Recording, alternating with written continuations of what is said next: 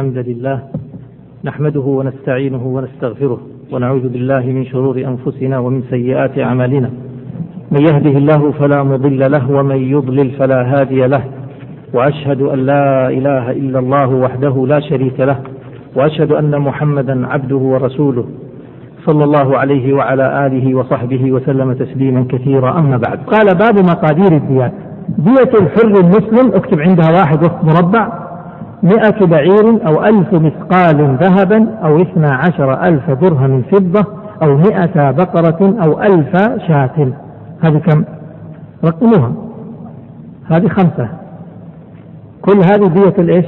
دية الحر المسلم. واحد. حط واحد عند حر المسلم وسط معكوف وسط مربع. قال فهذه أصول الدية فأيهما أحضر من تلزمه لزم الولي قبوله. معناته من له الدية. قال أريد الدية. أحضر له مئة من الإبل. هل يقول له لا ما أريد. روح أحضر لي مثلا ألفي شاة. لا.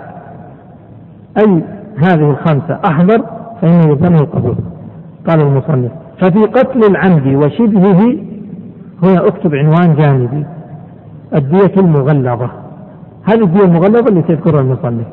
ففي قتل العمد وشبهه إحنا قلنا في قتل العمد الدية تكون مغلظة. مغلظة يعني إيش؟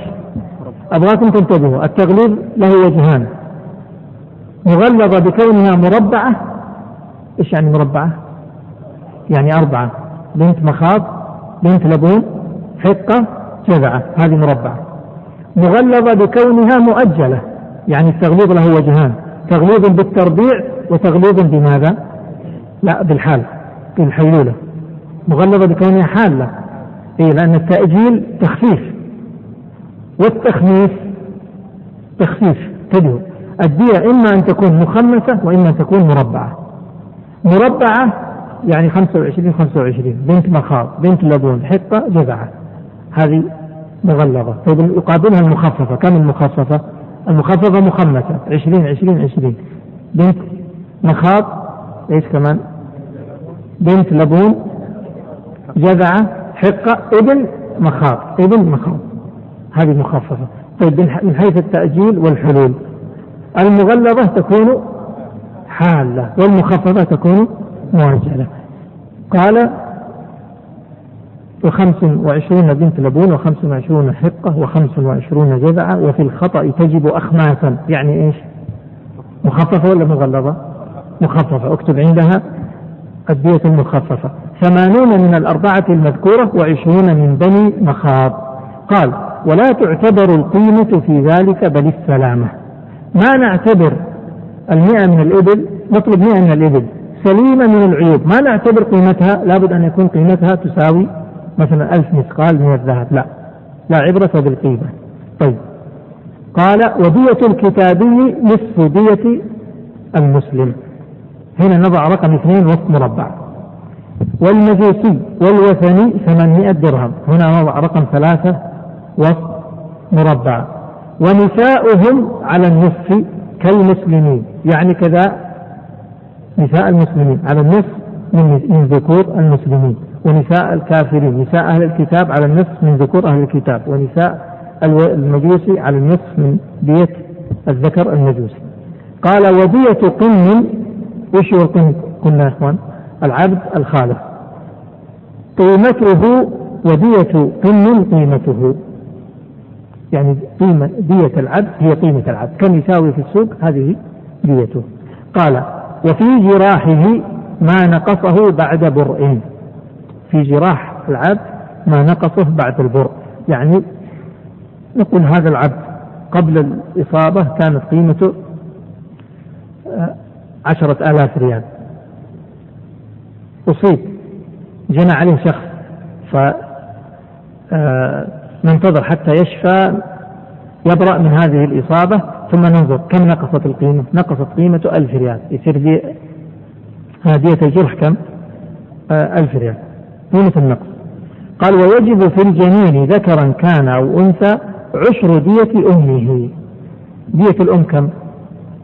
عشر دية أم إن كانت حرة مسلمة خمسين من الإبل عشر الدية معناه خمسة من الإبل قال وعشر قيمتها إن كان مملوكا يعني إذا كان الجنين في بطن الأم مملوك معناه عشر قيمة الأم نشوف قيمة الأم كم وجدنا أن قيمة الأم خمسة آلاف ريال معناه دية كم؟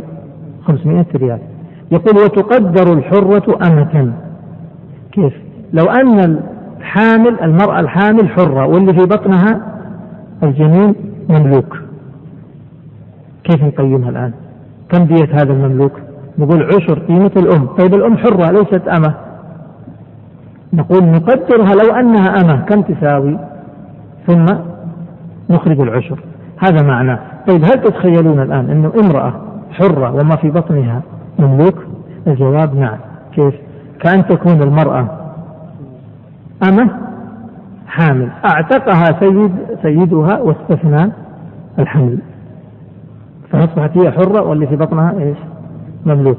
قال المصنف وإن جنى رقيق خطأ أو عمدا لا قود فيه أو فيه قود واختير المال أو أتلف مالا بغير إذن سيده تعلق ذلك برقبته يعني برقبة العبد.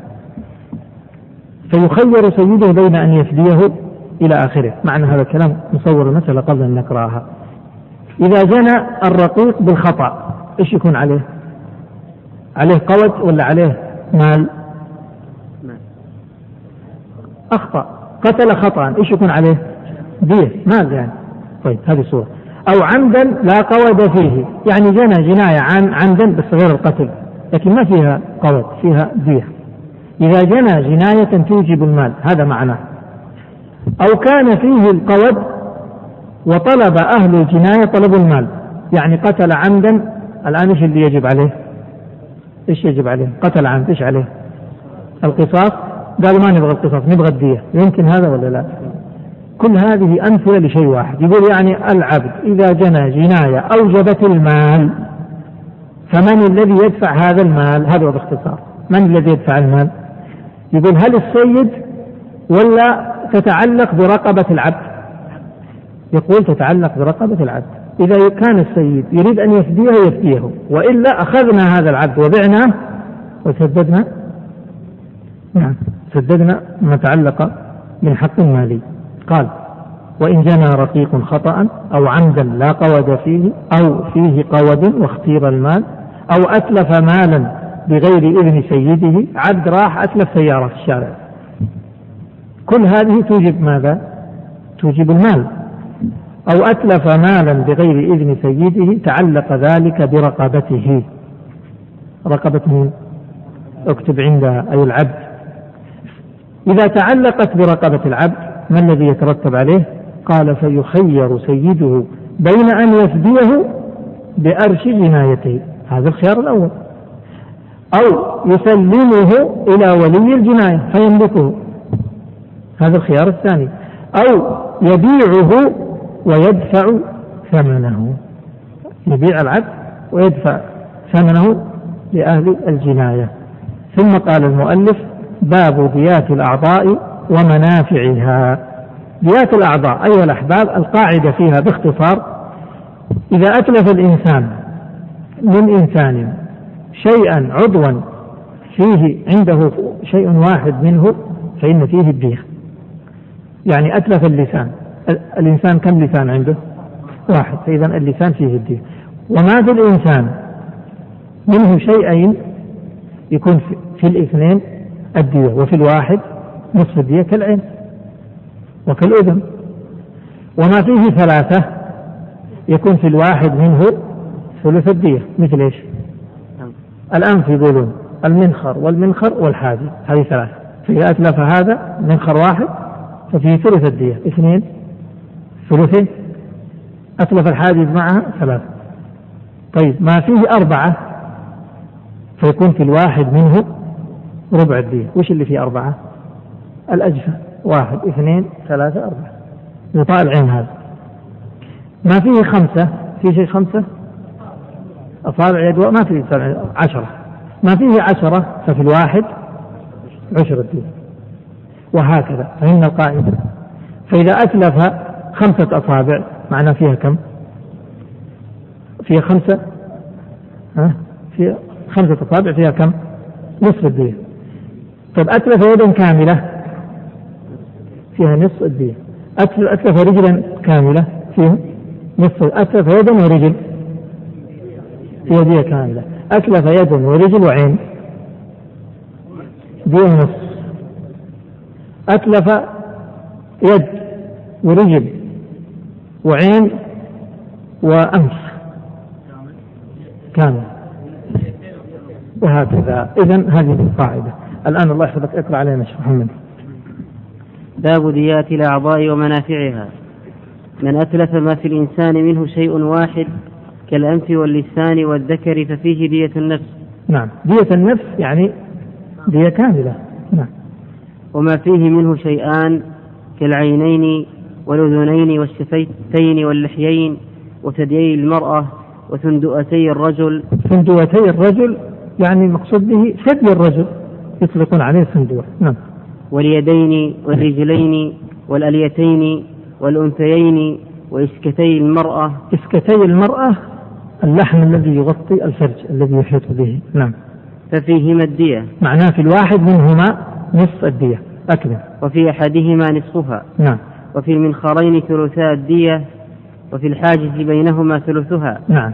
لأن الأنف مكون من ثلاثة أشياء. نعم. وفي الأجفان الأربعة الدية. غطاء العين. جفن. نعم. وفي كل جفن ربعها. نعم. وفي أصابع اليدين الدية كأصابع الرجلين. نعم. وفي كل إصبع عشر الدية. عشر الدية. الإصبع الواحد عشر الدية. طيب. الأنملة الواحدة. كم فيها؟ ثلث العشر. يعني الإصبع فيه عشر دية. كم كم الدية؟ كم عشر الدية بالنسبة للذكر. كم؟ عشرة من الإبل. عشرة من الإبل. في الأنملة الواحدة كم؟ ثلث العشرة يعني ثلاثة وثلث. طيب أكمل. وفي كل أنملة ثلث عشر الدية. نعم. والإبهام مفصلان. طيب الإبهام لو أتلف الإبهام قطع الإبهام كم فيه؟ نصف العشر؟ عشر الدية. كم نصف عشر الدية. كم عشر الدية؟ إبهام إبهام كامل. كم فيه؟ عشرة من الإبل. الإبهام فيه نصف يعني فيه فقط ها؟ نصف معناه لو قطع نصف الواحد كم فيه خمسة من الإبل نصف العشر. نعم. أكمل في كل مفصل نصف عشر الدية نعم. كدية السن. نعم. السن السن كذلك فيه خمسة من الإبل. نعم. بعد ذلك قال فصل. ما زلنا. الآن انتهينا من ديات الأعضاء. بقي أن نعرف ديات الحواس. كذلك كل حاسة في الإنسان ففيها الدية. الحاسة مثل إيش؟ البصر السمع الشم فلو أتلف البصر يعني ما أتلف العين انتبه ضربه ضربة مثلا في الدماغ فأصبح لا يبصر. أذهب ماذا؟ أذهب عضوا أو حاسة أذهب حاسة فالحاسة فيها الدية. أذهب السمع فيه الدية. وهكذا. كل حاسة في الإنسان ففيها الدية أذهب الشمس؟ ففيه دية كاملة. أكمل يا شيخ. فصل وفي كل حاسة دية كاملة. نعم. وهي السمع والبصر والشم والذوق وكذا في الكلام والعقل. يعني أذهب الكلام. ضربه فأصبح ما يعرف يتكلم ما لا يحسن الكلام. أذهب إيش؟ عضو ولا حاسة؟ حاسة كاملة ففيها دية كاملة. كذلك العقل ضربه فأصبح مجنونا أفقده حاسة ففيها الدية أكمل شيخ ومنفعة المشي والأكل والنكاح أصبح لا يستطيع المشي أذهب حاسة الأكل ما يستطيع الأكل. النكاح أصبح ما يستطيع النكاح.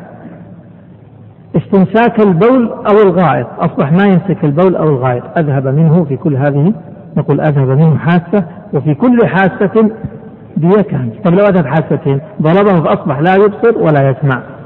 كم حاسة؟ حاستان في كل حاسة الدية كاملة أكمل يا شيخ. وفي كل واحد من الشعور الأربعة الدية. نعم. رقم الشعور الأربعة هذه. نعم. وهي شعر الرأس. نعم. لو أتلف شعر الرأس أتلف شعر الرأس يعني إيش؟ مش حلق شعر الرأس. أتلف أصبح ما يطلع شعر الرأس. ففيه الدية. نعم. واللحية. اللحية أتلف اللحية فأصبحت ما تنبت له لحية. ففيها الدية. نعم. والحاجبين. الحاجبان. فوق العين. نعم ففيه الدية. وأهداب العينين. نعم هذه الرموش التي على الأجسام. نعم. فإن عاد فنبت سقط موجبه. إذا رجع الشعر ما في دية. لكن فلو جنى عليه فأصبح لا ينبت له شعر في رأسه ولا في لحيته وهذا والعياذ بالله يتصور بالحريق ما ينبت له شعر في الرأس ولا في اللحية. كم دية؟ ديتان. حواجب كذلك. ثلاث الرموش كذلك أربع أكمل يا شيخ. وفي عين الأعور الدية كاملة. في عين الأعور الدية كاملة. كيف في عين الأعور الدية كاملة؟ تبين رجل أعور. أعور يعني إيش؟ عنده عين يبصر بها وعين لا يبصر بها. فاعتدى عليه إنسان وجنى عليه هو يبصر باليمنى ولا يبصر باليسرى. فجنى إنسان على عينه اليسرى اليمنى فأتلفها. العين كم فيها نصف الدية. لكن في هذا المثال الذي ذكرت تجب الدية كاملة. لماذا؟ لأنه أذهب عضو ولا أذهب حاسة كاملة؟ أذهب حاسة كاملة وهي البصر. أكمل يا شيخ. وإن قلع الأعور عين الصحيح المماثلة لعينه الصحيحة عمدا فعليه دية كاملة. إيه، ولا ولا قصاص. ولا قصاص. كيف هذا؟ هذا الرجل الذي قلنا الأعور يعني عنده عين اليمنى صحيحة. والعين اليسرى لا يبصر بها. لو أن إنسان أتلف له اليمنى يستحق الدية كاملة لأنه ذهب عنه حاسة لو أنه هذا صاحب العين اليمنى الصحيحة أتلف العين اليمنى لرجل آخر فقعها هل يقتص منه؟ انتبهوا الآن هو فقع عين العين اليمنى لرجل صحيح. فلو اقتص منه لو قلنا بالقصاص إيش نذهب عليه الآن؟ نذهب عليه حادثة كاملة يقول لا إذا لا يقتص منه طيب ماذا نفعل؟ ماذا يستح... يدفع؟ يدفع يدفع الدية كاملة لأنه الآن هو ها يدفع عن نفسه أو يحمي نفسه؟ من إيش؟ من ذهاب حاسة كاملة فتلزمه الدية فهمت المسألة؟ وإن قلع الأعور عين الصحيح المماثلة لعينه الصحيحة عمدا فعليه الدية كاملة طيب ما في قصاص ليش؟ لأنه لو اقتصينا لو سمحنا بالقصاص سنذهب على الأعور عينه الصحيحة فنعنيه. فهمتوا؟ طيب. ما في قصاص؟ طيب إيش فيه؟ فيه الدية. كم يستحق الدية؟ لو قلنا نصف الدية عين واحدة نصف الدية. نقول لا دية كاملة لأنها بدل الواجب والواجب عليه كانت حاسة كاملة ستذهب فيفدي عينه هذه بدية كاملة. هذا معناه. أكمل يا شيخ. وفي قطع اليد الأقطع نصف الدية كغيره. قطع يد الأقطع. إيش يعني قطع يد الأقطع يعني لو قطع الأقطع يد صحيحة نقطع يده. ما هي مثل العين. عنده يد يمنى موجودة واليد اليسرى مقطوعة. فجنى على شخص وقطع من شخص آخر يده اليمنى. فطالب هذا الشخص مقطوع اليد قال أريد أن تقطع يد الجاني. نقطع ولا لا؟ يقول نعم. نقطع تختلف يقولون عن العين لأن في العين ستذهب حاسة لكن في قطع اليد هذه لن تذهب حاسة. فيقول نقطعها وإذا أراد الدية فلا فلا يستحق إلا نصف دية لأنه ما فيها حاسة كاملة تذهب. نعم.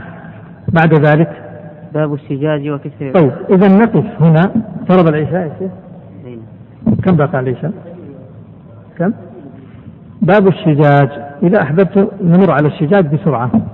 ارجعوا إلى 15 أنا أسمع أذان ما أعرف أذان ولا هذا. جوالات هذه. طيب الشجاج.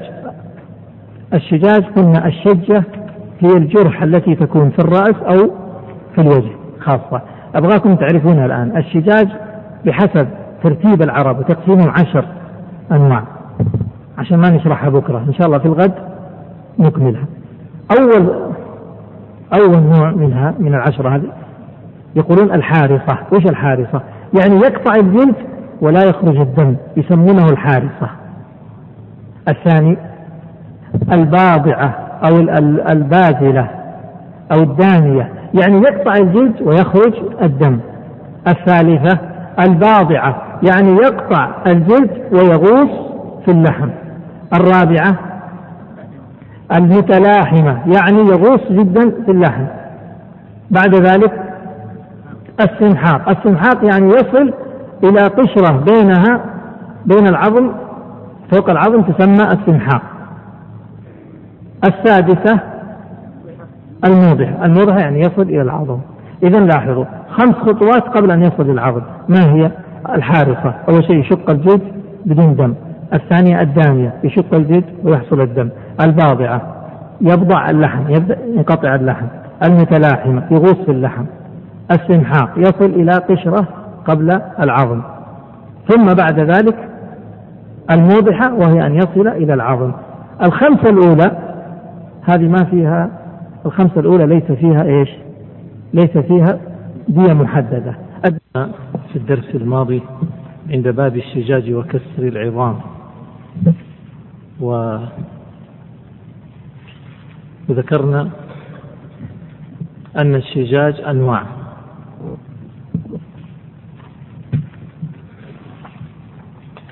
وقلنا هي كما كما هي عند العرب وكما هي موضحة في الملخص في الفقرة الخامسة عشر. إذا قيل شجة فالمعنى أنها جرح في الرأس أو في الوجه. وإذا كان الجرح في أي مكان في البدن غير هذا يقال له جرح. هذه الجروح التي في الوجه أو في الرأس وهي الشجاج تنقسم إلى عشرة أقسام. أولها الحارصة والحارصة يعني تشق الجلد تحرص الجلد تشق الجلد ولا تدميه ما يخرج دم نسميها حارصة طيب هذه الحارصة وش فيها؟ مكتوب عندكم إيش فيها؟ إيه؟ حكومة. إيش يعني فيها حكومة؟ قلنا الحكومة يعني أرش مقدر ما هو محدد وإنما مقدر. كيف يقدر؟ يقيم هذا المصاب هذا المجني عليه. يقدر عبد. يقال لو كان عبدا بدون هذه الإصابة كم قيمته؟ لنفرض ألف ريال. بعد هذه الإصابة كم صارت قيمته؟ نقول نقص مثلا من الألف عش... آه ما نقص من الألف مئة ريال. يعني نقص كم؟ عشرة في المية إذا يستحق عشر الدية. هكذا. طيب أفرض نقص ألفين ريال يعني عشرين في المية إذا يستحق عشرين في المية من الدية وهكذا. إذا الحارصة أول شيء. الثانية البازلة ويقال الدامية والدامعة وش هي يحصل الشق ويسيل الدم. الثالث الباضعة إنه يحصل شق وينقطع اللحم. ما يكون القطع فقط في الجلد وإنما يدخل في اللحم. المتلاحمة يغوص في اللحم. الخامسة السمحاق. السمحاق يقولون هذا اسم لقشرة رقيقة على العظم قبل العظم. فإذا وصل إلى هذه القشرة التي تسمى السمحاق سموا هذه الجناية سمحاق. طيب السمحاق هذه الخامسة. كل هذه الخمس ليس فيها جناية وإنما يقدر آه، مقدار النقص الذي حصل فيه بسبب هذه الجناية فيأخذ ما يقابلها من الدية. ستبدأ الآن ستبدأ الديات من السادسة فما بعد. السادسة الموضحة. وش الموضحة؟ نقول شق الجلد وقطع اللحم ووصل إلى السمحاق وقطع قشرة السمحاق وصل لمين؟ للعظم. فأوضح العظم سميت موضحة. هذه الموضحة توضح اللحم وتبرزه. نعم تقطع اللحم وتبرز العظم. خلاص اكتب العظم. العظم. العظم. يعني معنى تقطع اللحم. وتصل للعظم عشان تكون أوضح. طيب. توضح العظم. اكتبوا بدل ما كلمة توضح اللحم توضح العظم مش اللحم. جزاك الله خير. أثابك الله وجزاك الله خير. طيب. هذه الموضحة وش فيها؟ هذه اللي فيها الديات تبدأ الديات من هنا. فإذا جنى على إنسان موضحة فديته خمسة من الإبل. خمس من الإبل. طيب سؤال. هل في الموضحة قصاص؟ يعني هل هو مخير بين خمس من الإبل أو القصاص؟ الجواب نعم. مكتوب عندكم هذا ولا لا؟ مش مكتوب ها؟ إذا في مكتوب عندكم فيها خمس من الإبل. اكتب بالقلم أو القصاص. أو القصاص. أو القصاص. إذا هو مخير. إن شاء قصاص أخذ القصاص له أن يقتص سيقتص موضحة وإلا فلا. الآن أنتم تعرفون ليش لماذا منع القصاص فيما دون الموضحة فيما قبل الموضحة وجاز في الموضحة؟ لماذا؟ لأنه ينتهي إلى عظم. طيب وش معنى العظم؟ لأن الانتهاء إلى العظم يعني الأمن من إيش؟ من الحيف لكن قبل ذلك منع من الحيف واضح واضح التعليل. التعليل واضح يا شيخ؟ غير واضح. أعيده أعيده. بالنسبة للموضحة وهو الجرح الذي يصل إلى العظم يجوز فيه القصاص. لماذا؟ لأن القصاص فيه ممكن. يمكن أن يقتص منه بدون أن يظلمه. لكن فيما قبل ذلك لا غير غير غير مضمون. فالحارصة أو الدامعة أو الباضعة أو المتلاحمة هذه ما نستطيع أن نقتص بمثل بمثل الجناية لأنه قد يتجاوز قد نتجاوز في القصاص يعني قد يكون تكون حارصة فنجي نقتص حارصة نقول نوصل لإيش؟ لدامعة مثلا أو الدامية أو يكون مثلا إصابته دامية فنجي نقتص فنصل إلى آه، آه، مثلا متلاحمة أو كانت متلاحمة فنروح إلى إيش؟ إلى استمحاق. يمكن أن نقتص بأكثر. لكن في الموضحة في الموضحة يمكن القصاص بدون حيف. لهذا جاز في الموضحة. بهذا وردت السنة. الشاهد هو الآن له الخيار. إن شاء القصاص وإن شاء وإن شاء إيش؟ الدية. طيب ما قبل الموضحة؟ ليس له ليس له القصاص. طيب هل له الدية؟ ما في دية مقدرة من الشرع. إذا له إيش؟ الحكومة. السابعة. ما بعد الموضحة الهاشمة. ما هي الهاشمة؟ الهاشمة أن توضح العظم وتهشمه. يحصل كسر كسر في العظم. يعني موضحة وزيادة. هذا هو. الهاشمة كم فيها دية؟ عشر من الإبل. طيب هل فيها القصاص؟ نقول شوف إذا أراد القصاص له أن يقتص موضحة ويأخذ الفرق. فيقتص موضحة ويأخذ بدل الهشم كم؟ خمسة من الإبل. الثامنة المنقلة. المنقلة معناه وصلت للموضحة وزادت إلى الهاشمة وزادت أنها كسرت العظم ونقلته هشمت العظم وكسرته ونقلته من مكانه إلى مكان آخر. تحرك العظم المهشم هذا. فسميت هاشمة آه سميت آه منقلة. لأنه انتقل العظم انتقل العظم المتهشم هذا من مكانه. طيب هذه منقلة كم فيها؟ خمسة, خمسة عشر من الإبل القصاص فيه ولا ما فيه؟ كذلك. إذا أراد أن يقتص له أن يقتص إلى كم؟ إلى الموضحة فقط ويأخذ مقابل ذلك الفرق عشرة من الإبل. طيب. التاسعة المأمومة. المأمومة وتسمى الآمة وهي أن يصل إلى جلدة الدماغ. يعني يصل إلى أم الدماغ. يقولون الدماغ مغطى بجلد. هذه الجلدة تسمى أم الدماغ. تسمى أم الدماغ. فإذا وصل إلى أم الدماغ سميت مأمومة. سميت مأمومة. طيب كم فيها هذه المأمومة؟ فيها ثلث الدية. مئة من الإبل أقسمها على ثلاث معناه كم؟ ثلاث ثلاثين وثلث. فيها ثلث الدية. طيب هل فيها القصاص؟ أو كذلك. نقول كذلك إذا أراد أن يقتص معناه يقتص موضحة ويأخذ الفرق. واضح يا مشايخ ولا لا؟ كم الفرق؟ كم الفرق؟ ثلاثة وثلاثين وثلث نقص منها خمسة ثمانية وعشرين وثلث هذا هو الفرق. طيب العاشرة الدامغة.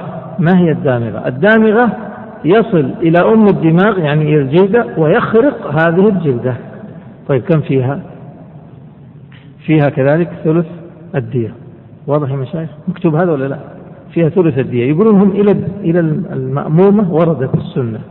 أما الدامغة ما وردت لكن قاسوا عليها. قالوا هي مثلها وأشد فإذا تأخذ نفس القياسة نفس الدية. إذا الدامغ الدامغة الدامغة معناها سيخرق الجلدة هي أسوأ. وحتى الفقهاء يقولون أنه الظاهر في الغالب أنه لا يعيش إذا إذا وصل لهذا. طيب الآن أصبحت كم عندنا؟ إصابات شجاج الرأس بس كم؟ عشر. الخمسة الأولى ليس فيها دية والخمسة الثانية هي اللي فيها الدية. وإيش الخمسة الثانية اللي فيها الدية؟ الموضحة؟ خمسة من الإبل. الهاشمة؟ عشر من الإبل. المنقلة؟ خمسة عشر من الإبل. ثم ثنتين هذه قربت على الدماغ وهي المأمومة. المأمومة كم؟ ثلث الدية. ثم الدامغة. ثلث الدية. انتهينا من هذا؟ خلاص بعد ذلك الجائفة الجائفة هذه خرجت عن الرأس الآن. الجائفة المقصود بها كل جرح يصل إلى الجوف. الجوف وش هو؟ البطن إلى الظهر إلى النحر. كل ما يسمى جوف. هذا الجوف الإصابة اللي تدخل بالجوف هل تصل إلى حد؟ يعني إلى عظم تقف عنده؟ لا ما في عظم. فلذلك الجائفة هل فيها قصاص؟ ما فيها قصاص. طب هل فيها قصاص مأمومة أو أو أو موضحة ونأخذ الفرق؟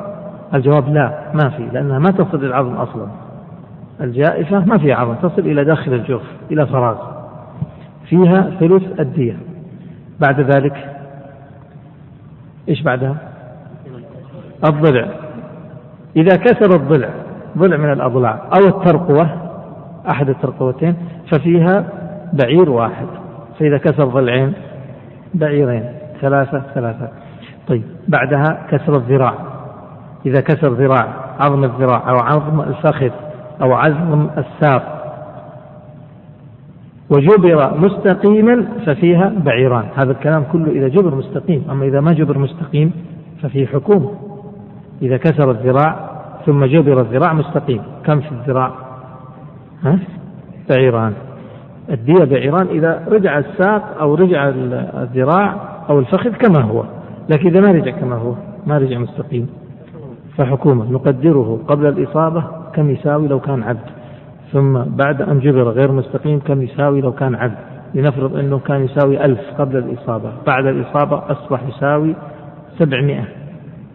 صار إيش؟ كم يستحق من الدية؟ ها؟ إيش؟ كم هذه؟ ثلاثة من عشرة من عشرة. يستحق ثلاثة من عشرة يعني ثلاثين في المية من الدية. طيب. قال وما عدا ذلك من الجراح وكسر العظام فيه الحكومة. ما عدا هذا المذكور معناه حكومة. إذا كل إصابة ليس فيها مقدر فيها فيها حكومة. واضح يا إخوان؟ يعني أرش نقص. قال والحكومة أن يقوم إلى آخره سيأتي عندكم. الآن نرجع إلى كلام المصنف. تقرأ علينا يا شيخ محمد. تبعيد؟ تفضل.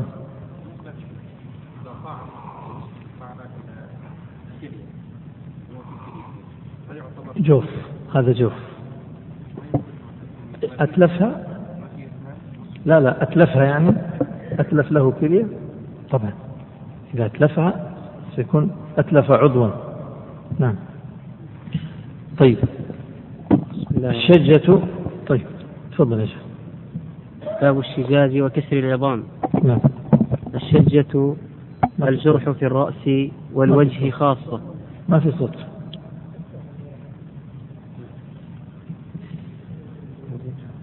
الشجة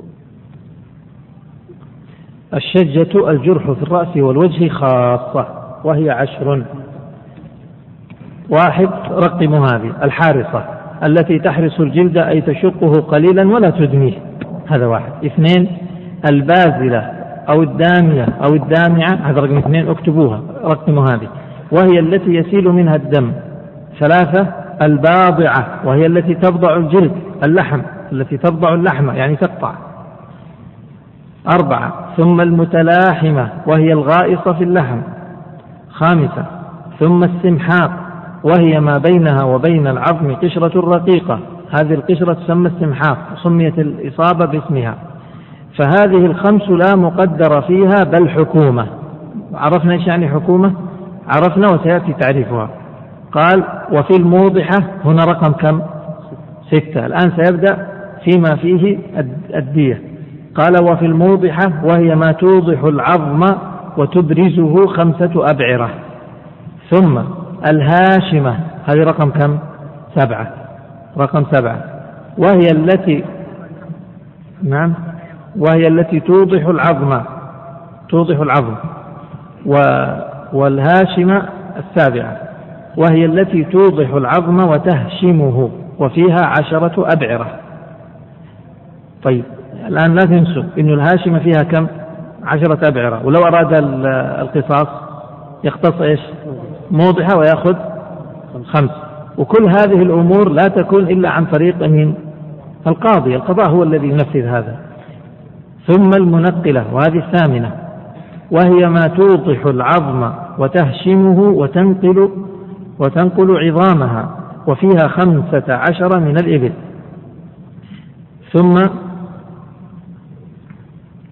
كل نعم. يصير بعد ذلك إيش؟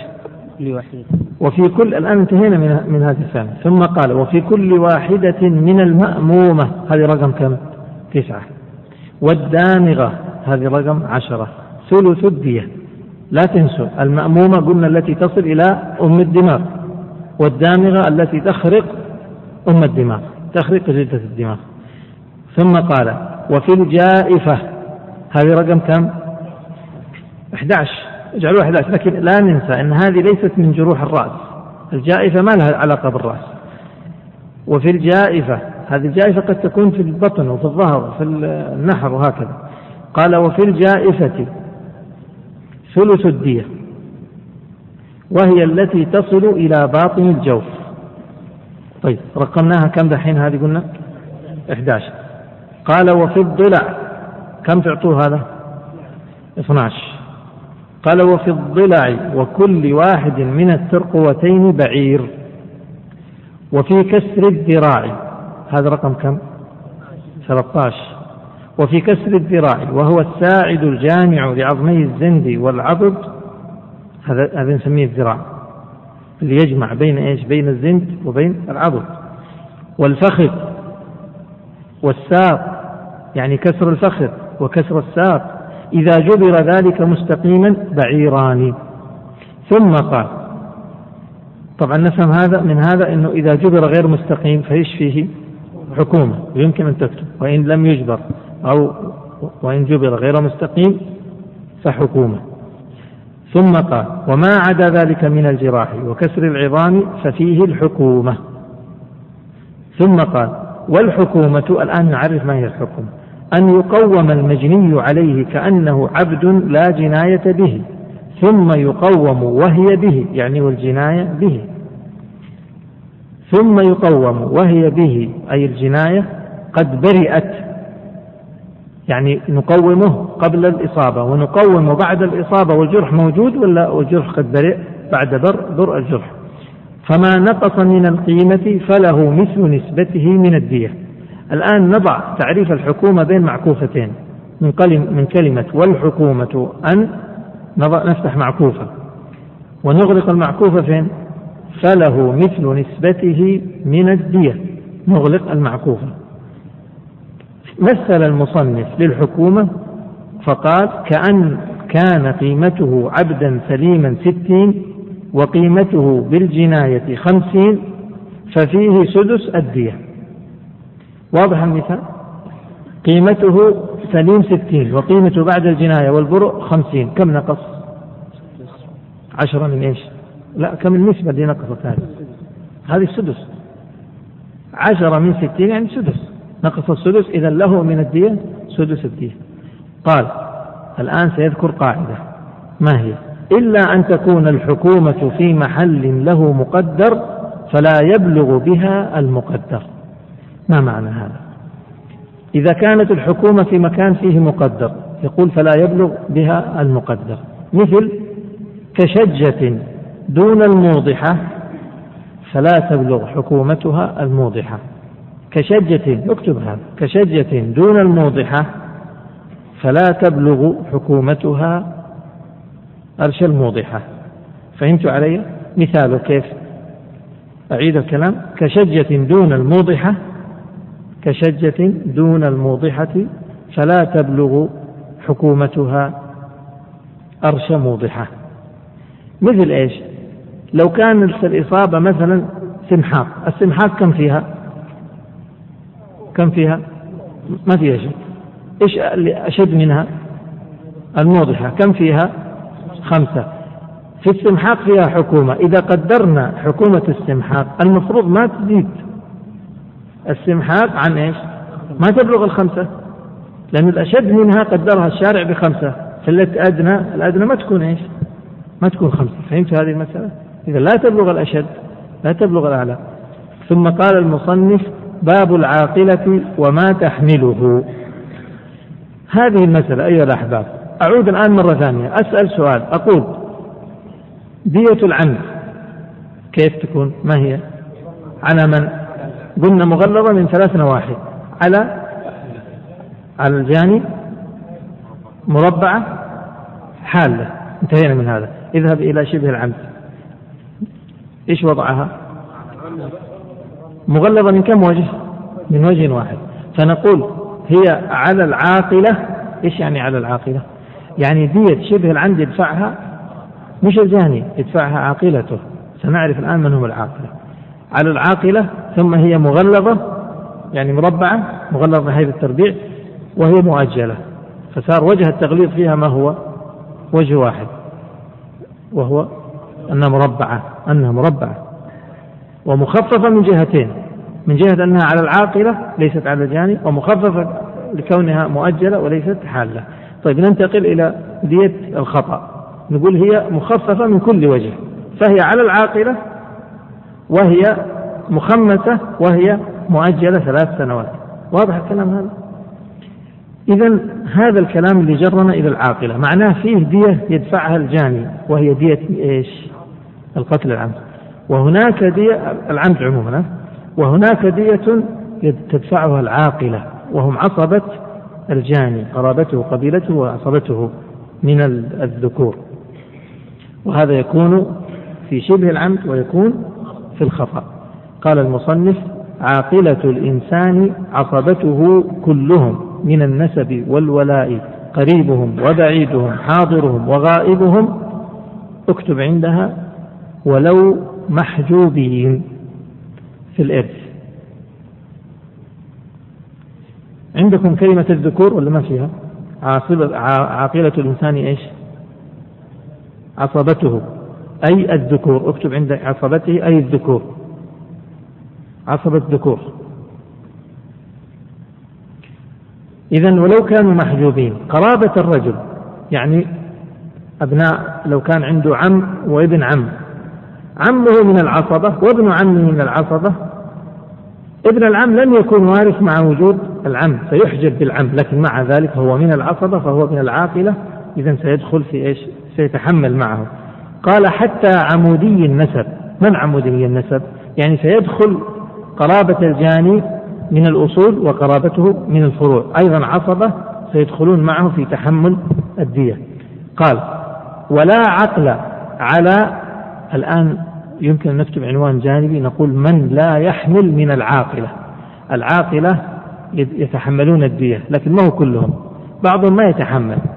فمن هو الذي لا يتحمل من الدية؟ هذا العنوان الجانبي. قال أكمل وأنبه إذا إذا استعجلت أنا في شرح أو كذا استوقفوني. لكن لا تستوقفني لتسأل أسئلة في الذهن يعني تقرأ لك بعض الأسئلة لا أكتبها. لكن إذا كان في عبارة المصنف أو في فهم المعلومة فاطلب الإعادة. أشر إلي إشارة وسأعيدها. قال ولا عقل. يعني لا يحملون. العاقلة لا تحمل. إذا كانت على الصفات التالية وهي ولا عقل على رقيق واحد. لو كان عصبة الرجل فيهم عبيد العبيد من قرابته لا يحملون. وغير مكلف الصغار والمجانين لا يعقلون. ولا فقير هذا رقم كم؟ ثلاث رقموا ولا فقير ثلاث. ولا أنثى أربع. ولا مخالف لدين الجاني هذا خمسة. إذا عندما يقتل الإنسان بالخطأ نقول الدية على من؟ على العاقلة. سنستبعد من العاقلة خمسة. سنستبعد العديد منهم. وسنستبعد الصغار والمجانين غير المكلفين.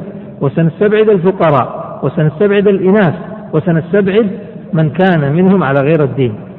هو مسلم وبعض قرابته كفار لا يعقلون. طيب قال المصنف ولا تحمل العاقلة. هنا ضع عنوان جانبي اكتب ما لا تحمله العاقلة. ما لا تحمله العاقلة. طيب إيش يعني ما لا تحمله العاقلة؟ نحن نقول إذا جنى الإنسان فإن العاقلة تحمل عنه الدية. لكن هناك أشياء لا تحملها العاقلة. من الذي يحملها؟ الجاني نفسه. طيب ما هي الأشياء التي لا يحملها العاقلة؟ بعد أن تضع عنوان ما لا تحمله العاقلة. ولا تحمل العاقلة عمدا محضا. ضع واحد. إيش عمدا محضا؟ نحن ذكرنا أن قتل العمد على من؟ الدية. على الجاني. إذا عمدا محضا. قول عمدا محضا. أخرج ماذا؟ أخرج شبه العمد وأخرج شبه العمد وأخرج الخطأ. نعم. قال ولا عبدا كيف عبدا؟ يعني يقول لو أن الجاني قتل عبد. العبد ما الذي يجب فيه؟ ديته إيش؟ قيمته. يقول لا تتحمل العاقلة في حال قتل العبد. فيه قيمة يتحملها هو لا يتحملها لأنه ما في دية. يعتبرون أنه في قيمة ما في دية. ثلاثة. ولا صلحا هذا رقم ثلاثة. ولا صلحا اكتب عندها عن إنكار ولا صلحا عن إنكار. ما تتحملها العاقلة. إيش يعني ولا صلحا عن إنكار؟ صلح الإنكار اللي حضروا الدورة الثانية في, المو... في المعاملات. تذكرون صلح الإنكار؟ من كان حاضر في الدورة تلك؟ ما راح أسأل بس ارفع يده بدون سؤال يعني في الأمان. أنتم في الأمان. طيب تذكرون صلح الإنكار. إذا ادعى عليك إنسان فأقريت. ثم ما استطعت أن تدفع المبلغ المطلوب منك وأنت مقر. ثم صالحته. هذا نسميه إيش؟ صلح إيش؟ إقرار. لكن إذا ادعى عليك إنسان بشيء وأنكرت ما اعترفت بهذا. قد تصالحه تتفق معه على مال معين تعطيه إياه حتى تستنهي الخصومة لكن أنت غير مقر. نسميه صلح إيش؟ إنكار. فلو ادعي على إنسان أنه قاتل فأنكر ثم صالح هل العاقلة تتحمل؟ لا تتحمل. إيش يعني صلح الإنكار؟ إذا ادعي على شخص أنه قال قالوا له تعال أنت قتلت بالخطأ. قال ما قتلت إلا بلا قتلت هات الدية. ثم صالحهم قال طيب خلاص أنا أعطيكم جزء من الدية. هذا صلح على إنكار ليس على إقرار. العاقلة لا تتحمل. لماذا؟ لأن صلحه على الإنكار هذا بمحض إرادته. هو الذي حمل نفسه هذا الصلح. وإلا ما دام أنه منكر يصر على إنكاره ولا يدفع شيء. فإذا أحب أن يدفع شيئا ينهي المشكلة يتحملها هو. لا تتحملها العاقلة. أربعة. ولا اعترافا لم تصدقه به. هذا رقم أربعة. يعني أن العاقلة لا تتحمل الاعتراف الاعتراف الجاني وهي مكذبة له. فهمتوا؟ لو اعترف الجاني قال نعم نعم أنا الذي أصبته بالخطأ وقتلته. والعاقلة غير مصدقة. له. تقول أنت كذاب. لا قتلت ولا أصبت إنما أنت متواطئ. فإن كانت العاقلة لا تصدقه بهذه الجناية إن صدرت من هذه الجناية لا تعقل عنه. إذا متى تعقل عنه؟ إن صدقته أنه هو الجاني إذا هذا كم رقمت يا مشايخ؟ أربعة. قال ولا ما دون ثلث الدية التامة. هذا رقم كم صار؟ خمسة. ولا ما دون ثلث الدية التامة. يعني لو وجب على الإنسان لو فرضنا الإنسان قطع بالخطأ إصبع. الإصبع كم فيه؟ عشر الدية من اللي يتحملها؟ الجاني. إصبعين. الجاني. ثلاثة. ما وصلت الثلث؟ الجاني. أربعة. بلغت الثلث. إذا العاقلة لا تحمل إلا الثلث فما؟ فوق. لو كانت مثلا جائفة كم فيها دية؟ فيها الثلث. الجائفة فيها الثلث. ما مداكم تحفظون الثلث ففيها تحمل إذا العاقلة لا تحمل إلا دية كاملة أو ما بلغ الثلث. أما ما كان دون ذلك فلا تحمله. طيب قال فصل اكتب عندها في كفارة القتل. في كفارة القتل. يمكن سؤال يطرأ قبل أن ننتقل لكفارة القتل. يمكن يقال نعم. وهي؟ لم تصدقه به. لو أن الجاني قال اعترف أنه هو الذي قتل خطأ. معناه اعترف أنه عليه دية. والعاقلة مكذبة له. ما هي مصدقة لا تتحمل. تتحمل متى؟ إن اقتنعت وصدقت أن هذا جاني فعلا. فهمت علي شيء لأنه قد تتهم العاقلة وتقول أنت اعترفت بجناية وتواطؤ. أنت متواطئ مع الشخص. حتى ندفع نحن الدية ثم تقتسمها مثلا يعني. طيب.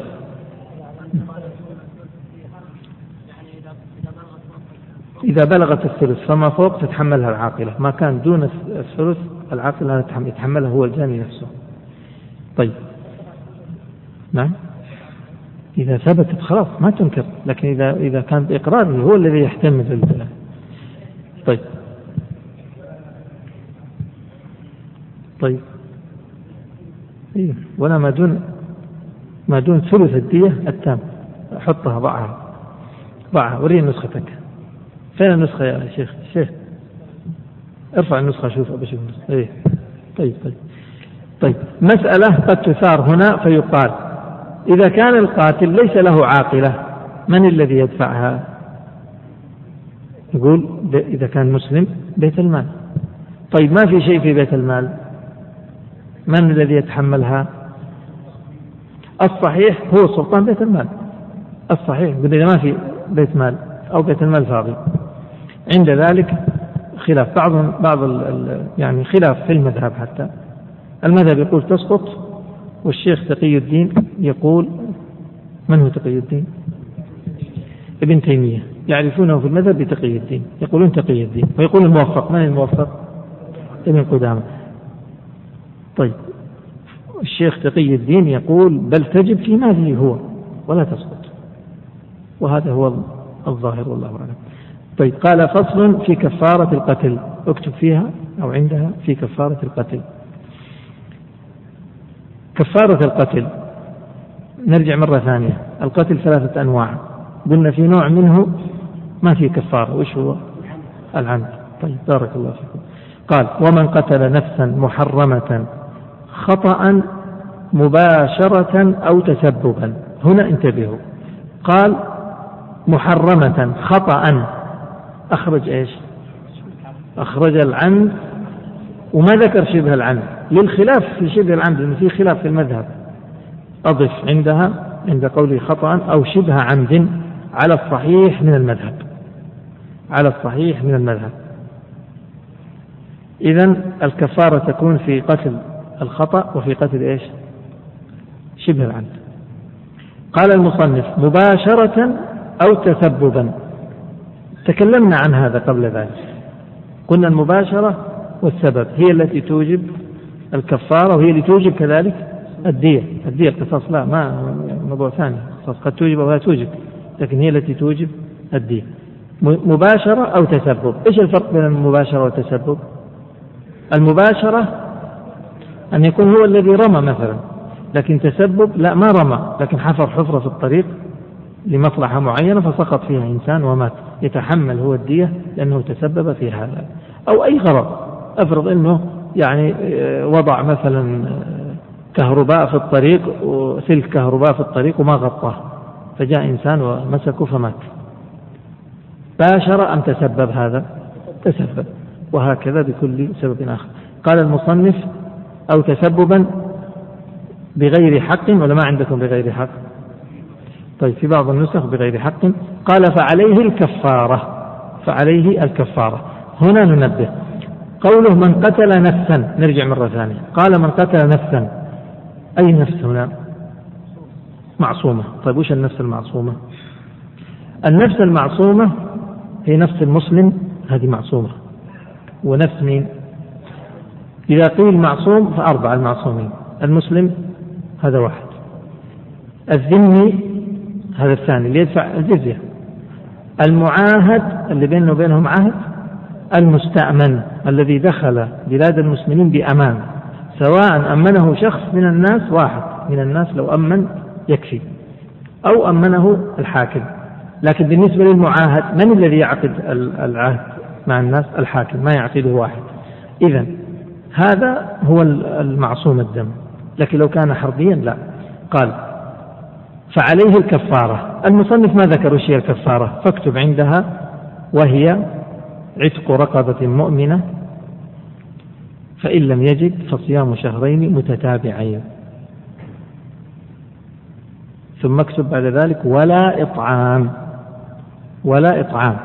يعني تختلف عن كفارة إيش؟ كفارة الظهار نعم كفارة الظهار فيها إطعام إذا كتبتم وهي عتق رقبة مؤمنة فإن لم يجد فصيام شهرين متتابعين ولا إطعام. ثم قال المصنف باب القسامة. قال المصنف يعرف القسامة وهي أيمان مكررة في دعوى قتل معصوم. ضع هذه العبارة بين معكوفتين. أيمان مكررة في دعوى قتل معصوم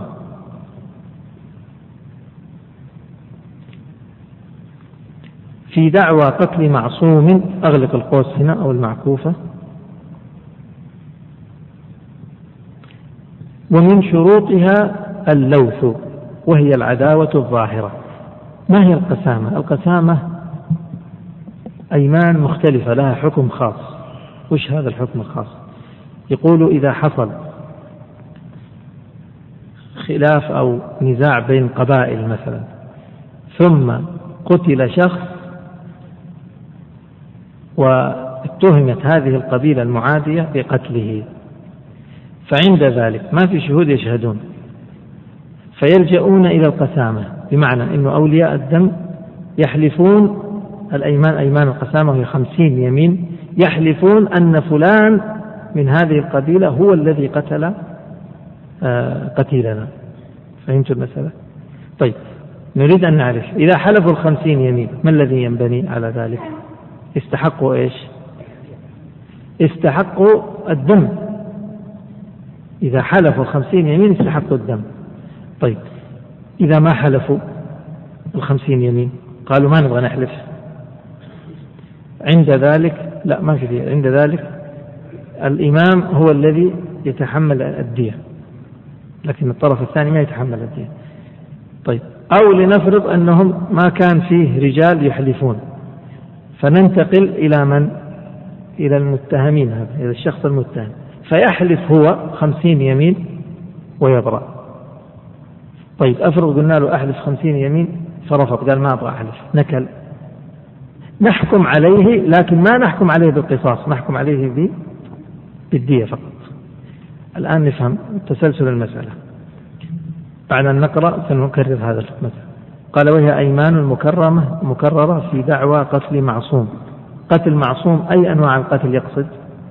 ثلاثة سواء عمد أو شبهه أو خطأ. اكتب عنده قتل معصوم أي عمدا أو خطأ أو شبهه أو خطأ. قال من شروطها اللوث وهي العداوة الظاهرة.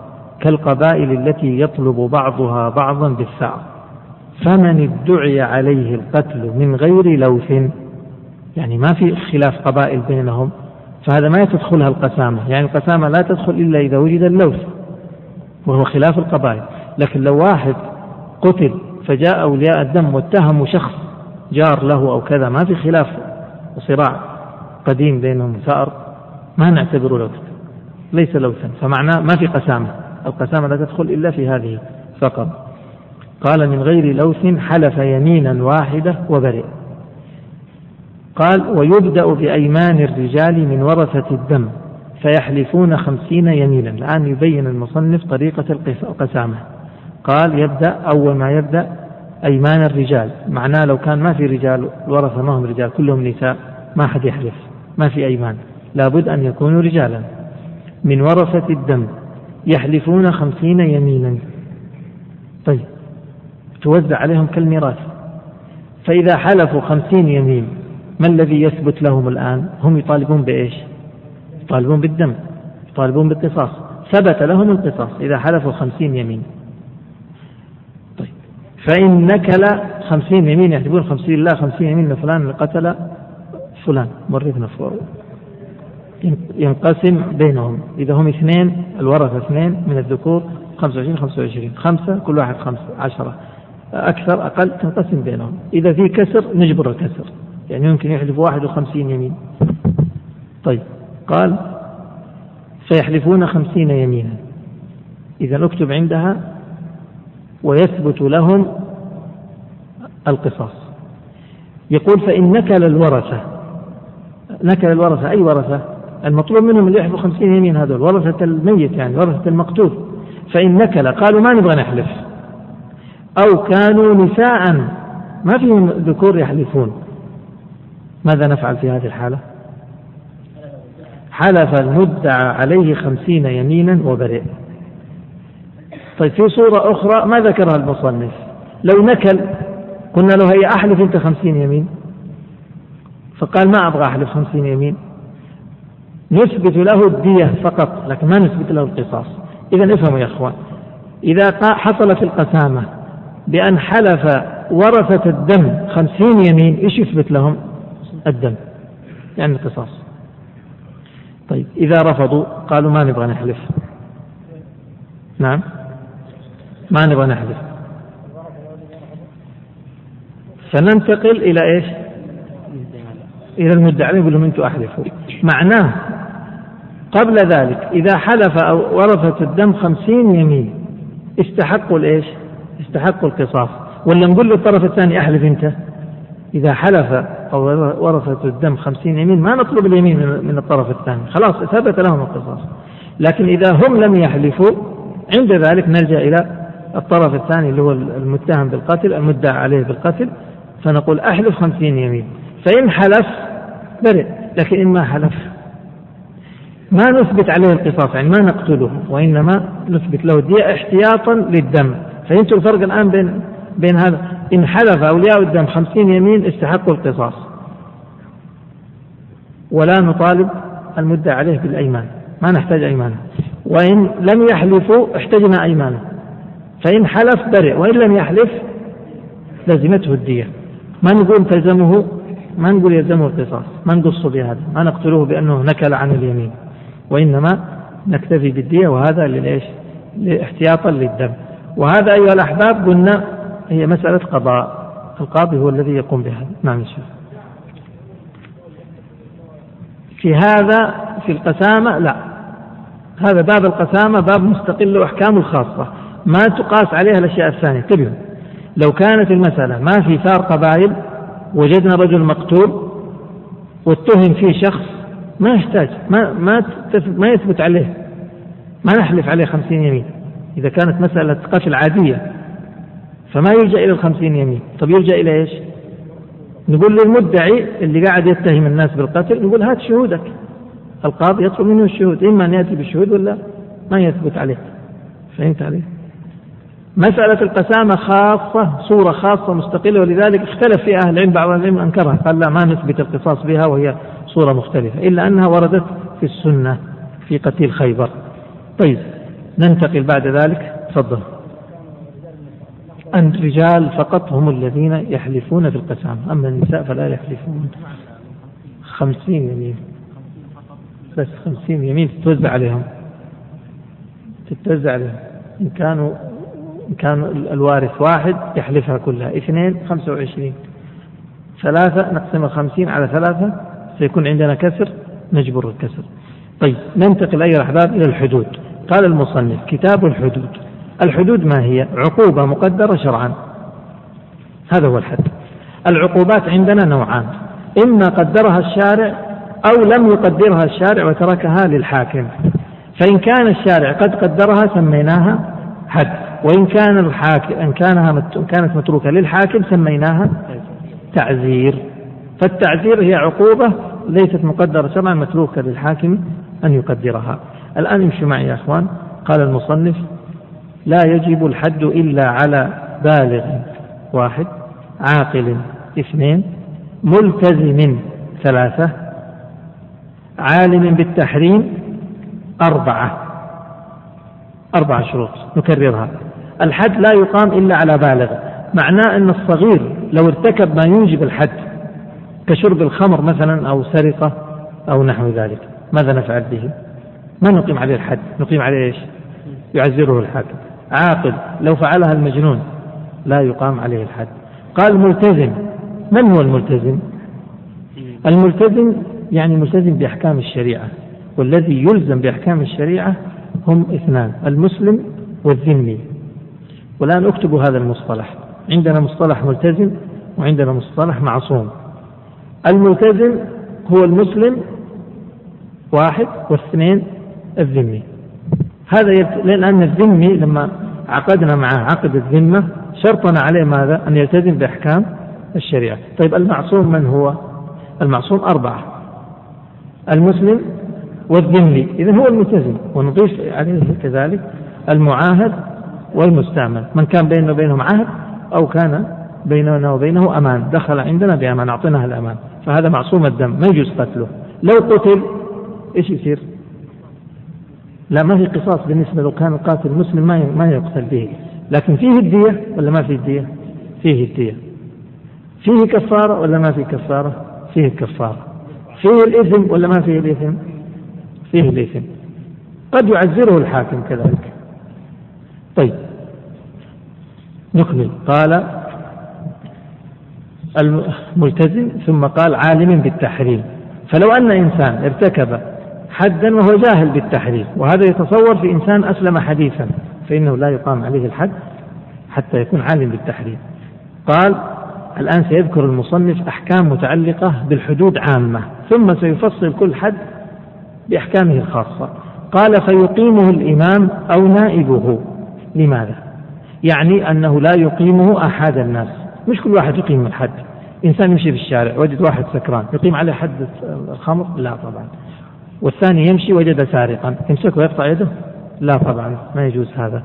إنسان وجد شخصا يقول والعياذ بالله كلمة الكفر يقيم عليه حد الردة ويقتله؟ لا طبعا. لأن إقامة الحدود تفتقر يقولون تعليل هذا تعليل هذه المسألة أن إقامة الحدود تفتقر إلى الاجتهاد. تفتقر إلى الاجتهاد ولأن إقامتها من كل أحد توجب الفوضى. لأنها تفتقر إلى الاجتهاد فلا يجتهد في مثل هذه المسائل العامة إلا الحاكم. قال أو نائبه في غير مسجد لأنه نهي عن إقامة الحدود في المساجد. تقام الحدود في غير المساجد أما المساجد فلا.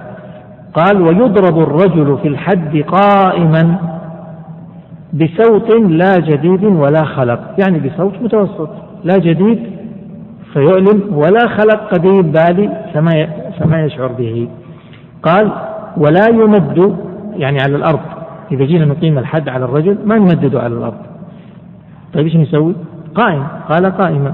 ولا يربط ما نربطه. ولا يجرد يعني من ثيابه بل يكون عليه قميص أو قميصان. ما معنى هذا؟ يعني لا نجرده من الثياب ونضرب على الجلد مباشرة ولا يرتدي ثيابا كثيرة تحول بينه وبين الشعور بالألم. قال ولا يبالغ بضربه بحيث يشق الجلد ويفرق الضرب على بدنه. ما يضربه في مكان واحد. أنتم رقمتم هذه المسائل ولا تركتوها؟ طيب رقموها على مهلكم. إذا قال في غير مسجد يضرب الرجل قائم بصوت وسط لا جديد ولا قديم لا يمد لا يربط لا يجرد لا يبالغ بضربه يفرق الضرب على بدنه ويتقى هذا حكم آخر أو أدب آخر ويتقى الرأس والوجه والفرج والمقاتل الأماكن التي يقتل بها. يعني عندما يقام عليه الحد بالضرب نتركه يتجنب الرأس فلا يضرب على رأسه ولا في وجهه ولا في فرجه ولا في أي مكان آخر يعتبر مقتل. ما يضرب مثلا على جهة القلب فيقتل بهذا. قال والمرأة كالرجل فيما ذكر أو فيه يعني فيما سبق إلا أنها تضرب جالسة. إذا المرأة مثل الرجل في هذه الأحكام وتختلف في شيء أو في أشياء. ما هي الأشياء؟ الأول أنها تضرب جالسة وتشد عليها ثيابها وتمسك يداها لئلا تنكشف.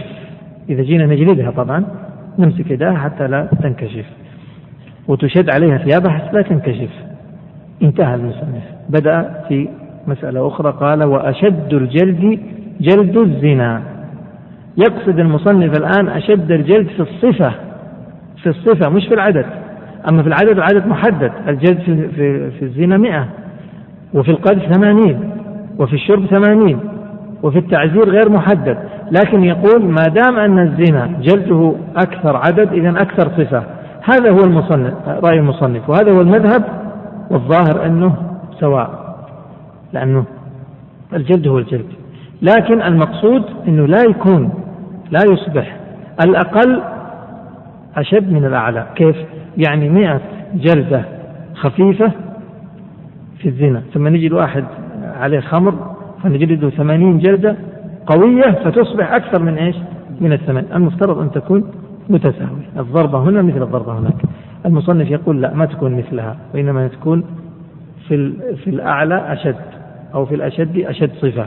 في الأعلى عدد تكون أشد صفة.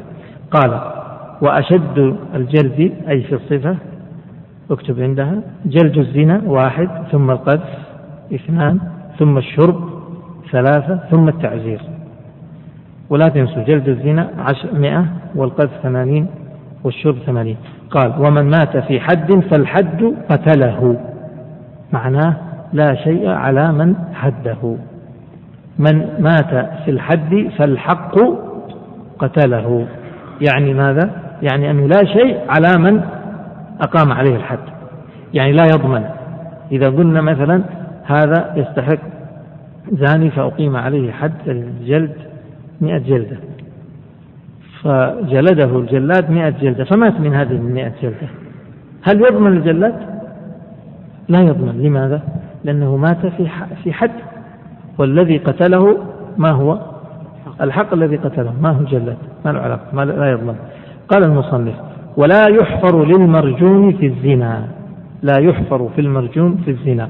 هذا هو المذهب. يرون أن الزنا ما يحفر للمرجوم له. إذا أردنا نرجم الزاني ما نحفر له. ويقولون أن أكثر الأحاديث وردت على عدم الحفر. هذا هو. وهناك أوجه أخرى. يعني هناك وجه ثاني رأي ثاني في المذهب وجه ثاني في المذهب آه، لا داعي لذكره. أو لا داعي لكتابته وإن كان نذكره بسرعة. من الآراء الثانية التي تقول يفرقون يقولون يمكن أن نحفر إذا كان حد الزنا ثبت بالبينة بالشهود. أما إذا كان غير ذلك فلا. الشاهد دعونا مع كلام المصنف يقول لا يرجم له لأن أكثر النصوص التي وردت فيه وردت بعدم الحفر. قال باب حد الزنا. ما هو الزنا؟ اكتب بين معكوفتين أو بين أو تعريف في كلمة الزنا فعل الفاحشة في قبل أو دبر. نعم يا شيخ. في الكتاب. نعم. في الرجم. إذا جينا نرجم الزاني. نرجمه. هل نعمل له حفرة ونضعه في الحفرة ثم نرجمه؟ يقول لا ما نحتاج لهذا نخليه على وجه الأرض ثم نرجم هذا هو. يقول لأن النصوص هكذا أكثر النصوص التي وردت في إقامة حد الرجم كان بدون حفر هذا هو. قال حد الزنا. إيش الزنا قلنا؟ فعل الفاحشة في إيش؟ في قبل أو في دبر. قال المصنف. إذا كيف؟ إيه. قال المصنف. إذا زنى المحصن رجم حتى يموت. طيب من هو المحصن؟ الآن حد الزنا سيكون نوعين. إن كان الزاني محصن فحده الرجم بالحجارة حتى يموت وإن كان غير محصن فحده مئة جلدة مع التغريب تغريب سنة كاملة سيأتي. قال المصنف والمحصن من وطئ امرأته المسلمة أو الذمية في نكاح صحيح وهما بالغان عاقلان حران. هذا يوضع بين من قوله والمحصن من هو المحصن؟ المحصن من توفرت فيه ستة شروط. من وطئ امرأته المسلمة أو الذمية في نكاح صحيح. نقول خمسة شروط أحسن. وطئ المرأة في نكاح صحيح هذا الثاني. وهما بالغان الثالث عاقلان الرابع حران الخامس أغلب المعكوفة. إيش صار المحصن الآن؟ المحصن يقولون من جامع في نكاح صحيح. فقط لا. لابد أن يكون حال جماعة في نكاح صحيح متصف بثلاثة صفات وهي أنه بالغ عاقل حر. معناه لو أنه لو حصل منه هذا الجماع وهو في حال جنون لا يعتبر محصن. أو كان في حالة عدم بلوغ لا يعتبر محصن. أو كان في حالة حال عبودية كان عبد يومها لا يعتبر محصن طيب. لو أنه هو كان بالغ عاقل حر والزوجة ليست كذلك لا يعتبر محصن. فهمتوا؟ معناه ما نعتبره محصن حتى يطأ في نكاح صحيح ويكون هو والزوجة بالغان عاقلان حران فهمت المسألة؟ هذا نقول محصن. طيب إذا أطلقنا عليه وصف الإحصان الآن بعد ذلك إن وقع منه الزنا إيش نقيم عليه؟ حد الرجم حتى يموت فهمتوا طيب هب أنه زنى بامرأة غير محصنة ما تزوجت أصلا. إيش يكون حده هو؟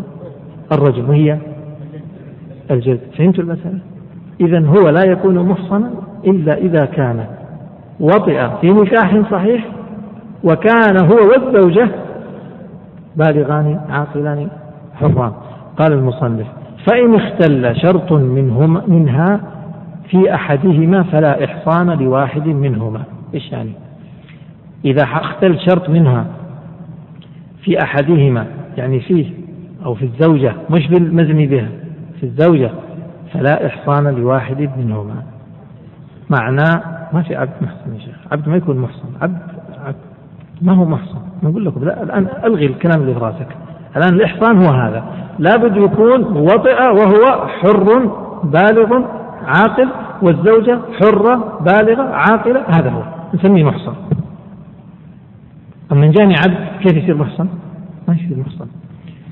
أنت تفهم أن المحصن هو المتزوج. لا المحصن هو المتزوج اللي جامع في في الزواج وكان حرا بالغا عاقلا والزوجة كذلك حرة بالغة عاقلة طيب معناه العبد المتزوج راح أعتبره إيش؟ غير محصن. وعامل غير محصن قال المصنف وإن زنى الحر غير المحصن جلد مئة جلدة وغرب عاما ولو, ولو امرأة. غرب عام. يعني يخرج من البلد سنة كاملة. ولو كان امرأة نعم. طيب لكن المرأة تخرج معها محرم. طيب لو ما معها محرم؟ الصحيح أنه يسقط عنها؟ يسقط عنها. لكن هذا اللي أقوله هو الصحيح هذا الذي هذا وجه في المذهب. لكن ما هو معتمد عندهم. الصحيح عندهم أنها تغرب حتى ولو والروايات كثيرة لكن المعتمد في المذهب عندهم أنها تغرب ولو بدون محرم للحاجة. وذهب الموفق إلى القول بسقوطها يقول ويسقط التغريب إذا كان بدون محرم طيب قال والرقيق خمسين جلدة ولا يغرب الآن اضبطوا حد الزنا. إن كان محصن إيش يكون؟ الرجم حتى الموت. غير محصن؟ مئة جلدة إن كان حرا. عبدا؟ خمسين. والتغريب؟ هل يكون على العبد تغريب؟ يقول لا العبد لا يغرب لأنه يضر بسيده. قال وحد لوطي كزان. معنى إيش حد اللوطي؟ إن كان محصن رجم حتى الموت. غير محصن؟ جلد مئة. وتغريب عام. قال ولا يجب الحد إلا بثلاثة شروط يعني حد الزنا. أحدها تغييب حشفة أصلية كلها في قبل أو دبر أصليين أصليين يعني إيش؟ يعني لا يكون عضو زايد مثل كما قلنا في الخنثى المشكل يكون عنده آلتين آلة ذكر وآلة أنثى ويكون هو ذكر في الحقيقة وآلة الأنثى اللي عنده ما هي أصلية وإنما هي زائدة. فلو وطئه إنسان في هذه الآلة الزائدة ما يكون ما يكون زنا. قال من آدمي حي حراما محضا. إذا تغييب الحشفة هذا واحد تكون أصلية كلها آه الحشفة كلها الحشفة قلنا هي رأس الذكر في قبل أو في دبر أصلي من آدمي لكن لو يعني معناه أنه غيب الحشفة في حيوان ما نعتبره زنا. حي لو وطئ ميتة ما يعتبر زنا. حراما محضا لكن لو وطئ بشبهة هذا ما يقام عليه الحد لأنه ما هو حرام محض. فهمت الحرام المحض؟ يعني ما يكون له شبهة فيه. شبهة مثل إيه؟ مثل نكاح الفاسد أو أنه جامع امرأة يظنها زوجة وما هي زوجة هذا ليس حراما محضا. قال الثاني مثلها مقدارها مقدارها ها؟ مقدارها.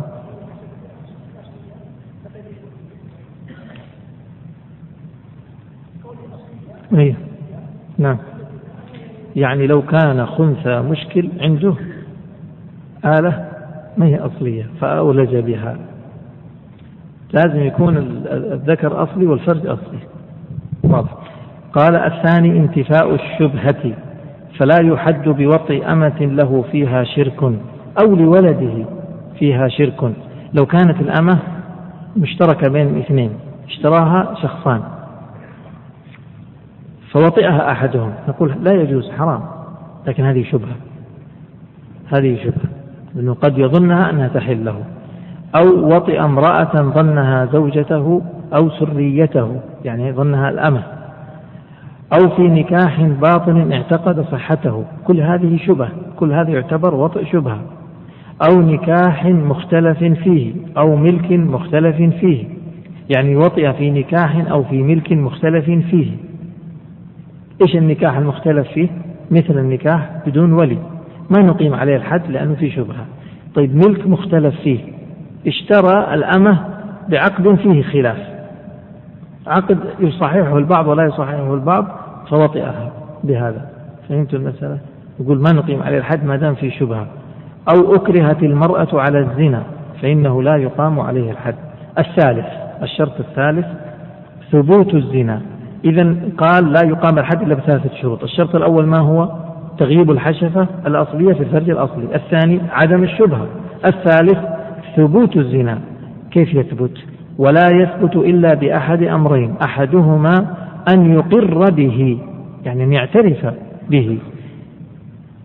أربع مرات. ما يكفي أن يعترف مرة واحدة. قياس على الشهادة. الشهادة في الزنا كم؟ أربع شهود. إذا في الإقرار لو أراد أن يقر لازم يقر أربع مرات. في مجلس أو في مجالس لا يضر. المهم يقر أربع مرات. ويصرح لابد أن يصرح الإقرار. الآن هذا الكلام كله عن شروط الإقرار. ما هي شروط الإقرار؟ ما هو الإقرار الذي الذي نعترف به ونقيم الحد بموجبه هو هذا. لابد أن يكون المقر قد أقر أربع مرات. طيب إيش كمان؟ ويصرح بذكر حقيقة الوطء هذا الثاني. يعني لا يقول أنا زنيت. لا. يشرح بالضبط ماذا فعل لأنه قد يكون يجهل الزنا ويظن أن ما فعله زنا وليس بزنا. فلا بد أن يشرح بالضبط ماذا حصل. والثالث ولا ينزع عن إقراره حتى يتم عليه الحد فلو أقر بالزنا ثم بعد ذلك أنكر ما نقيم الحد قال الثاني الثاني من إيش يا إخوان؟ ثبوت الزنا، قلنا ثبوت الزنا بإيش يكون؟ بالإقرار واحد، والثاني أن يشهد عليه يعني الشهادة. الزنا يثبت بأمرين، إما إقرار وإما شهادة، إن كان إقرار اشترطنا كم شرط؟ لابد أن يكون الإقرار أربع مرات، لابد أن يصرح بحقيقة الوطء، لابد أن لا يرجع عن هذا الإقرار. طيب، وإن كان شهادة إيش نشترط؟ نشترط ما سيذكر المصنف الثاني أن يشهد عليه في مجلس واحد بزنا بزنا واحد نعم يصفونه أربعة ممن تقبل شهادتهم فيه سواء أتوا الحاكم جملة أو متفرقين ما معنى هذا الكلام أن يشهد عليه في مجلس واحد يشهدون عليه بإيش؟ بالزنا. ما هو بالزنا بس؟ بزنا واحد كلهم يشهدون على زنا واحد. يقولوا نشهد أنه زنا في يوم السبت. لكن لو واحد قال يوم السبت والثاني يوم الأحد الثالث قال يوم الاثنين معناه أن أربع حالات. وكل حالة لم تثبت لم تقم بينة على على يوم السبت لم تقم بينة على الأحد ما يصح. لابد أن يصفونه بزنا واحد يصفونه ويكون عددهم أربعة ويكونوا ممن تقبل شهادتهم فيه يعني في الزنا سواء أتوا الحاكم جملة أو جاءوا إليه إيش؟ متفرقين. بهذا يثبت الزنا. وإذا ثبت الزنا ثبت بعد ذلك الحد عليه. قال وإن حملت امرأة لا زوج لها ولا سيد ما عندها زوج ولا سيد. حملت نقيم عليها الحد ولا نقول هذا شبهة؟ احتمال أنه حصل وطئ شبهة أو خطأ.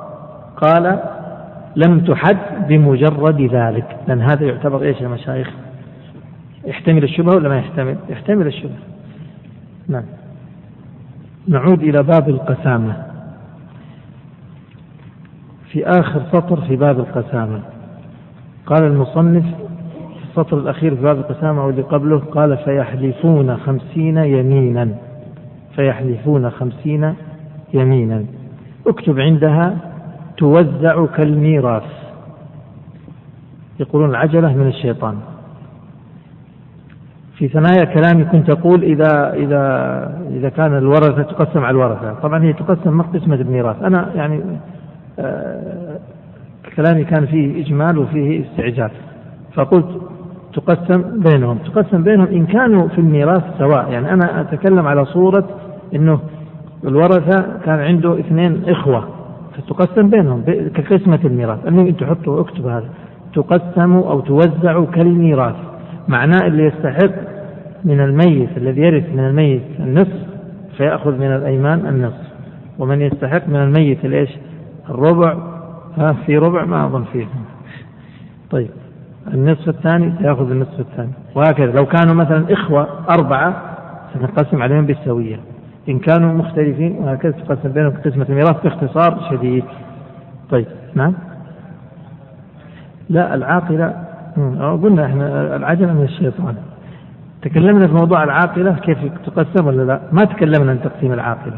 العاقلة يحملون الدية ولا لا. العاقلة ما يحملون الدية؟ كيف توزع عليهم؟ ما تكلمنا فيها تقسيمها على العاقلة مرده للحاكم. القاضي هو الذي ينظر فيهم ويوزع بين عليه يوزعها عليهم بحسب إيش؟ بحسب يعني غناهم وفقرهم وبحسب اليسر يعني وعدمه. طيب ننتقل إلى باب حد القذف.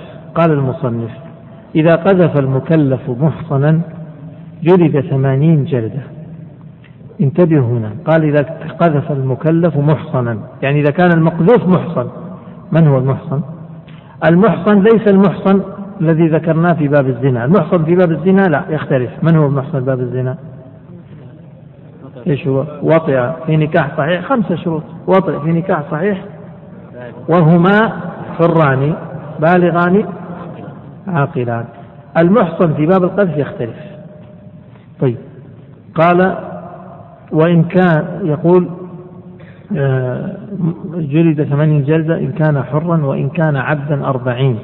والمعتق بعضه بحسابه يعني لو كان نصفه حر ونصفه عبد معناه سيكون ستين. نصف الحر كم؟ يعني نصفه حر فبنصف الحر سيجلد أربعين وبنصف العبد سيجلد عشرين يعني ستين. وقذف غير المحصن يوجب التعزير وهو حق للمقذوف يعني حق حد القذف حق للمقذوف. يقام بطلبه ويسقط بإسقاطه يختلف عن الزنا. الزنا حق لمن؟ لله. يعني لو زنى وجاء الزانية ولا الزانية قالت أنا راضية. ما يسقط الحد. لكن في القذف لو قذف إنسان محصن يعني قذف شخص شخصا آخر محصن فأسقطه. يسقطه ولا لا؟ يسقطه لأنه حق للآدمي وليس حق لله. قال والمحصن هنا. هذه حطها بين معكوفتين. الحر واحد المسلم اثنان العاقل ثلاثة العفيف أربعة. إيش العفيف؟ يعني عن الزنا. العفيف عن الزنا يعني الذي لا يعرف بالزنا. الذي لا يعرف بالزنا. طيب لو كان يعرف بالزنا وقد تاب عفيف كذلك أو تاب منه. إذا العفيف يعني عن الزنا بحسب الظاهر طبعا. ولو تائبا ولو كان تائب من الزنا يعتبر عفيف. الملتزم خمسة. من هو الملتزم؟ الذي يلتزم بأحكام الشريعة وهو المسلم والذم الذي يجامع مثله هذا ستة. الذي يجامع مثله هذا كم عمره؟ الذي يجامع مثله عشرة في الذكور وتسعة في الإناث. ولا يشترط البلوغ. ولا يشترط البلوغ. نعم. نعم. وصلنا كم الآن؟ سبعة. لا عفوا ستة. ستة. نعم. ولا يشترط البلوغ هذا ليس برقم. خلاص. الذي يجامع مثله ما اشترط البلوغ؟ لم يشترط البلوغ. إذا البلوغ ليس بشرط. قال وصريح اقرأ يا شيخ. اقرأ عليه. صريح القذف نعم. يا زاني يا لوطي ونحوه. نعم. وكنايته يا قحبة يا فاجرة يا خبيثة. فضحت زوجك أو نكست رأسه أو جعلت له قرونا ونحوه. وإن فسره بغير القذف قبل. نعم. وإن قذف أهل بلد. يعني المقصود إن فسره يعني هذه العبارات الكنايات التي من قبيل الكناية. إذا فسر الكناية بغير القذف يقبل. أما الصريح فلا يقبل. نعم. وإن قذف أهل بلد أو جماعة لا يتصور منهم الزنا عادة عزر.